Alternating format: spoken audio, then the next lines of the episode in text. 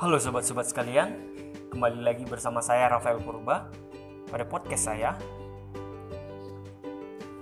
Pada podcast ini, saya akan mencoba untuk melanjutkan uh, bagian sebelumnya, yaitu mengenai buku The 4DX atau uh, disiplin untuk melakukan eksekusi pada suatu target atau rencana kita. Nah, pada bagian kali ini, saya akan lebih berfokus pada bagaimana untuk mendefinisikan dan fokus pada The Wildly Important Goals. Bagian ini merupakan bagian lanjutan dari podcast saya sebelumnya, yaitu di mana ada empat bagian penting, yaitu bagaimana membuat WIG atau Wildly Important Goals, kemudian berfokus, yang kedua adalah berfokus pada lead measures, yang ketiga adalah membuat suatu scoreboard yang memotivasi, dan keempat adalah bagaimana membangun irama akuntabilitas. Nah, pada bagian kali ini, saya ingin lebih menjelaskan bagian yang pertama mengenai bagaimana kita untuk fokus pada wildly important goals. Nah, sebelum masuk ke dalam pembahasan kali ini, saya ingin mendeskripsikan mengenai apa itu yang disebut dengan WIG atau wildly important goals. Nah, wildly important goals ini merupakan suatu sasaran atau target yang bisa membuat suatu perbedaan di dalam uh, bisnis kita atau pekerjaan kita atau kehidupan kita atau kondisi kita jadi uh, while important goals ini adalah acuan atau sasaran kita, apa yang ingin kita buat suatu uh, suatu perubahan dalamnya. Nah, dalam mem membentuk atau berfokus pada wildly important goals ini, kita di diarahkan untuk uh, berfokus pada satu hingga dua sasaran saja yang bisa membuat perbedaan. Artinya, lebih dari situ sangat tidak dianjurkan atau bahkan eh, disarankan hanya berfokus pada satu satu sasaran saja, satu target saja. Nah, jika telah kita telah lebih lanjut, yang disebut dengan WIG atau Wildly Important Goals ini adalah sesuatu yang berdampak di luar uh, whirlwind atau uh, topan atau topan rutinitas kita, badai topan rutinitas rutinitas kita. Jadi WIG ini adalah sesuatu yang uh, di luar aktivitas yang mendesak sehari-hari, di luar rutinitas kita, di luar uh, kondisi atau pekerjaan kita dalam menjalankan suatu operasional. Jadi badai topan rutinitas ini atau yang disebut dengan whirlwind ini adalah apa yang kita lakukan sehari-hari yang menjadi rutinitas kita. Misalkan uh, mempersiapkan slide atau bekerja atau membuat laporan atau uh, menunjukkan laporan keuangan, menyusun uh, rancangan kerja dan lain sebagainya. Ada banyak sekali rutinitas kita tergantung dari uh, profesi dan aktivitas kita. Nah, WIG ini adalah sesuatu yang berdampak tapi di luar rutinitas itu. Nah, jadi ini nanti selanjutnya akan saya coba berikan analogi ya untuk lebih mempermudah bagaimana membedakan antara WIG dengan Whirlwind gitu. Jadi ini semacam kalau Whirlwind itu atau badai topan rutinitas itu adalah sesuatu yang benar-benar sangat mendesak dan penting. Tentu saja karena itu e, merupakan kondisi kita atau kondisi e, rutinitas kita dalam menjaga eksistensi kita baik di dalam pekerjaan, baik di dalam kehidupan kita sehari-hari dan lain dan aktivitas kita sehari-hari dan lain sebagainya. Nah, WIG ini adalah sesuatu yang membuat kita maju, sesuatu yang membuat kita uh, melangkah uh, lebih lebih baik daripada sebelumnya, lebih daripada pada hari ini. Nah, analoginya bisa seperti ini, analogi antara pesawat dan uh, pengawas bandara, pengawas yang untuk menentukan uh, suatu pesawat itu bisa mendarat pada suatu waktu. Nah, analoginya sebagai sebagai berikut pada di di bandara di kondisi uh, penerbangan itu mungkin ada 100 lebih pesawat yang ingin mendarat di suatu bandara. Nah, tetapi se uh, seorang pengawas ini hanya bisa mungkin semua pesawat itu atau 100 pesawat itu 100 lebih pesawat itu penting, tentu saja sangat penting. Namun, seorang pengawas itu harus berfokus pada satu pesawat satu persatu pesawat dulu untuk dapat mendarat. Artinya uh, dia berfokus pada satu pesawat kemudian mendaratkannya setelah selesai dan selamat berfokus pada pesawat lain untuk mendaratkannya lagi demikian seterusnya hingga semuanya berjalan dengan aman dan terkendali nah untuk kondisi WIG dan whirlwind ini juga seperti itu badai topan rutinitas ini dianalogikan sebagai 100 pesawat yang ingin mendarat. Jadi semuanya itu penting. Ke 100 lebih pesawat itu penting, bahkan sangat penting. Tetapi dibutuhkan fokus terhadap WIG. WIG-nya adalah mendaratkan satu pesawat satu persatu. Karena tidak mungkin untuk mendaratkannya secara sekaligus bukan untuk seorang pengawas bandara. Nah, untuk itu hal ini bisa dipakai juga dalam analogi analogi tadi atau WIG dan will ini juga bisa dipakai dalam uh, bagaimana memfokuskan wildly important goals. Nah, uh, saya men saya menarik uh, saya saya cukup tertarik terhadap beberapa uh, quotes yang dibuat di dalam buku The 4DX ini. Uh, salah satu quotes yang menarik itu antara lain adalah uh, gagasan baik itu selalu lebih banyak, selalu lebih banyak daripada kapasitas kita untuk mengeksekusinya.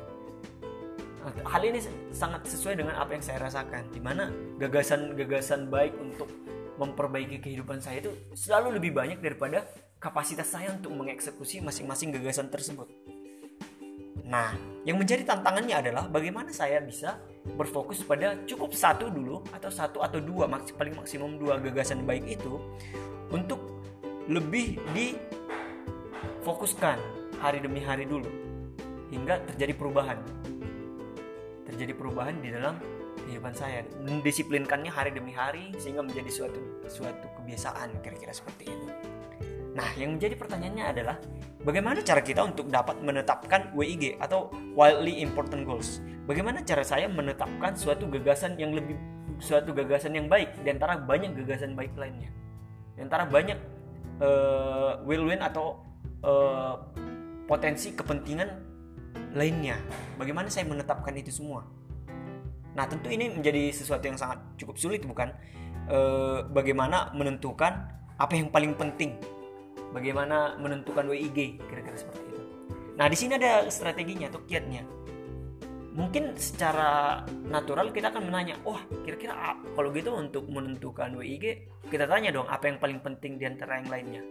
Nah di sini pendekatan yang menurut buku ini cukup salah gitu, salah. Kira-kira pendekatannya salah. Bagaimana menentukan sesuatu yang lebih penting di antara yang lainnya? Karena yang lain bakalan tentu uh, misalnya di dalam suatu tim nih departemen ini akan merasa wah saya lebih penting nih. Departemen yang ini akan merasa wah saya akan lebih, saya lebih penting nih. Nah kira-kira seperti itu. Jadi untuk menentukannya mungkin pertanyaannya bisa dibalik. Pertanyaan bisa pertanyaannya bisa dibalik. Kira-kira pertanyaannya diubah kira-kira seperti ini. Jika semua segmen dan bidang operasi berjalan dengan performa saat ini dengan kondisi saat ini dengan ritme yang saat ini kira-kira bidang mana yang akan memberikan dampak terbesar saat terjadinya perubahan? Nah, pertanyaannya jadi semakin ini kan, jadi semakin jelas kira-kira ya. Uh, saya ulangi lagi ya, jika semua bidang operasi berjalan dengan performa saat ini, dengan ritme saat ini, kira-kira bidang mana yang akan memberi dampak terbesar terhadap suatu organisasi, perusahaan, kondisi diri, uh, aktivitas kita, yang memberi dampak terbesar saat terjadi perubahan. Artinya jika segmen itu kita ubah, memberi dampak terbesar. Artinya jika ritmenya semuanya berjalan seperti saat ini, semuanya berjalan saat ini, semua departemen berjalan berjalan dengan saat ini tanpa adanya fokus pada WIG. Jika semua berjalan dengan ritme saat ini, kira-kira departemen mana nih yang saat kita lakukan perubahan dampaknya terbesar? Nah, uh, sudut pandangnya jadi berbeda kan jadi kita lebih gampang untuk menentukan nah kira-kira kira-kira seperti itu yang yang untuk menentukan WIG-nya WIG-nya wildly important goals di tengah uh, badai rutinitas atau whirlwind kita.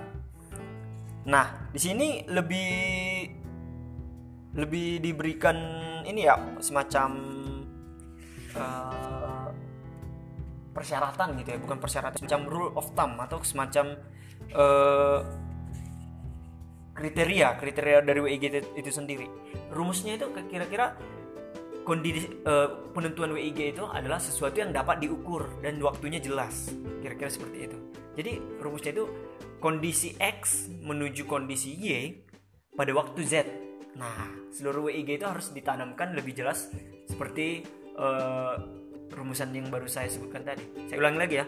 Kondisi X menuju kondisi Y pada waktu Z. Artinya harus sudah jelas kondisi saat, kondisi saat ini apa, yaitu kondisi X. kondisi yang akan kita tuju itu apa itu kondisi Y. Kemudian batas waktu atau rentang waktunya itu harus jelas. Pada waktu kapan kondisi Y itu terpenuhi? Pada waktu Z. Nah WIG yang baik itu harus memenuhi kriteria atau uh, persyaratan itu atau rule of rule of thumb tersebut. Nah uh, beberapa contoh untuk menjelas uh, salah satu contoh yang untuk menjelaskan uh, apa yang dimaksud dengan kondisi X menuju kondisi Y pada waktu Z ini adalah contohnya adalah apa yang dilakukan oleh Presiden Kennedy di, di Amerika pada saat itu pada tahun 1961. Jadi pada saat itu uh, kondisi NASA ya NASA. Jadi pada saat itu kondisi NASA itu masih semacam mengawang-awang gitu. Kira-kira tujuannya apa sih dari uh, organisasi ini atau perusahaan uh, uh, NASA ini uh, apakah mengalahkan Uni Soviet atau uh, lebih baik di industri uh, astronomi mungkin atau lebih baik di melakukan ekspansi pengetahuan di atmosfer dan ruang angkasa dan lain sebagainya masih mengawang-awang masih mengawang. Namun pada saat itu Presiden Kennedy memberikan sesuatu yang membuat NASA ini semakin jelas kira-kira seperti itu. Jadi uh, Presiden Kennedy cuma menginstruksikan sesuatu atau dalam tanda kutip bisa kita klasifikasikan sebagai WIG pada saat itu. Yaitu uh, yang disebutkan oleh uh, Presiden Kennedy saat itu adalah sebuah tantangan dalam WIG tantangannya itu dirangkum dalam sebuah kalimat yang disebutkan oleh memberikan tantangan kepada NASA yaitu bagaimana mendaratkan seorang manusia di bulan dan menerbangkannya kembali dengan selamat sebelum berakhirnya dekade ini yaitu pada tanggal selambatnya 31 Desember 1969. Menjadi sangat jelas kan? Diberikan tantangan bagaimana mendaratkan seorang manusia di bulan dan menerbangkannya kembali ke bumi dengan selamat selambatnya pada tanggal 31 Desember 1969. Nah, sebelum ta tahun sebelum tahun 1969 itu itu pada tahun 1958 misinya itu semacam e, menyebar gitu menyebar. Bukan berarti tidak jelas tapi menyebar. Artinya perubahan atau dampak dari NASA ini belum begitu dirasakan. Namun begitu diberikan WIG atau fokus pada WIG e, NASA semakin jelas untuk menentukan misi-misi misi-misinya selanjutnya. Dengan mencapai target yaitu mendaratkan seorang manusia di bulan dan menerbangkannya kembali ke bumi dengan selamat sebelum berakhirnya dekade ini yaitu pada tahun 1969 selambatnya tanggal 31 Desember. Nah, e, persyaratan kondisi X menuju kondisi Y pada waktu Z itu sudah terpenuhi. Kondisi X-nya adalah pada saat itu belum ada manusia yang mendarat di bulan dan terbang kembali ke menerbangkannya kembali, mendaratkannya kembali ke bumi dengan selamat. Kondisi X-nya itu. Kemudian kondisi Y-nya adalah kondisi yang ingin dicapainya adalah mendaratkan seorang manusia di bulan dan menerbangkannya kembali di bumi dengan selamat sebelum dan uh, sebelum berakhirnya dekade ini. Pada waktu Z-nya adalah sebelum berakhirnya dekade ini, yaitu pada tahun 1969 selambatnya tanggal 31 Desember. Nah, dengan seperti ini, NASA akan semakin berfokus. Apa yang kira-kira pengetahuan yang harus diterapkan, bagaimana fenomena yang terjadi, perbaikan fungsi, pengembangan operasional, safety, studi jarak jauh tentang potensi yang diperoleh di atmosfer, di aerodinamika dan ruang angkasa, dan banyak banyak sekali banyak hal yang semakin dijabarkan dari hal tersebut. Tapi sebagaimana kita ketahui sepanjang sejarah, NASA telah berhasil menerbangkan manusia dan mendaratkannya kembali di bumi, bukan? Artinya tujuannya tercapai. Nah, kira-kira di dalam e, melalui contoh itu kita bisa me, me, di dalam kehidupan kita. Misalkan saja saya ingin menurunkan berat badan. Kira-kira seperti itu. Nah kondisi X nya adalah pada saat ini berat badan saya sekian. Kondisi Y adalah saya ingin menurunkan berat badan saya menjadi sekian. Pada kapan? Pada misalnya pada tiga tahun lagi yaitu tiga tahun mendatang atau mungkin dua tahun mendatang atau mungkin beberapa bulan ke depan. Jadi sesuatu yang harus jelas.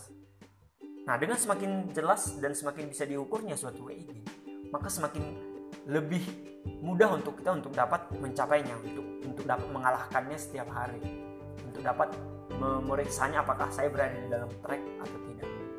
Nah pada bagian ini pada part uh, kedua ini lebih dijelaskan tentang bagaimana kita lebih berfokus pada WIG atau wildly important goals di tengah-tengah whirlwind atau badai uh, rutinitas kita sehari-hari. Bukan berarti rutinitas kita ditinggalkan, tapi lebih ke bagaimana kita tetap uh, melaksanakan rutinitas kita tapi lebih maju sedikit demi sedikit hari demi hari, disiplin hari demi hari.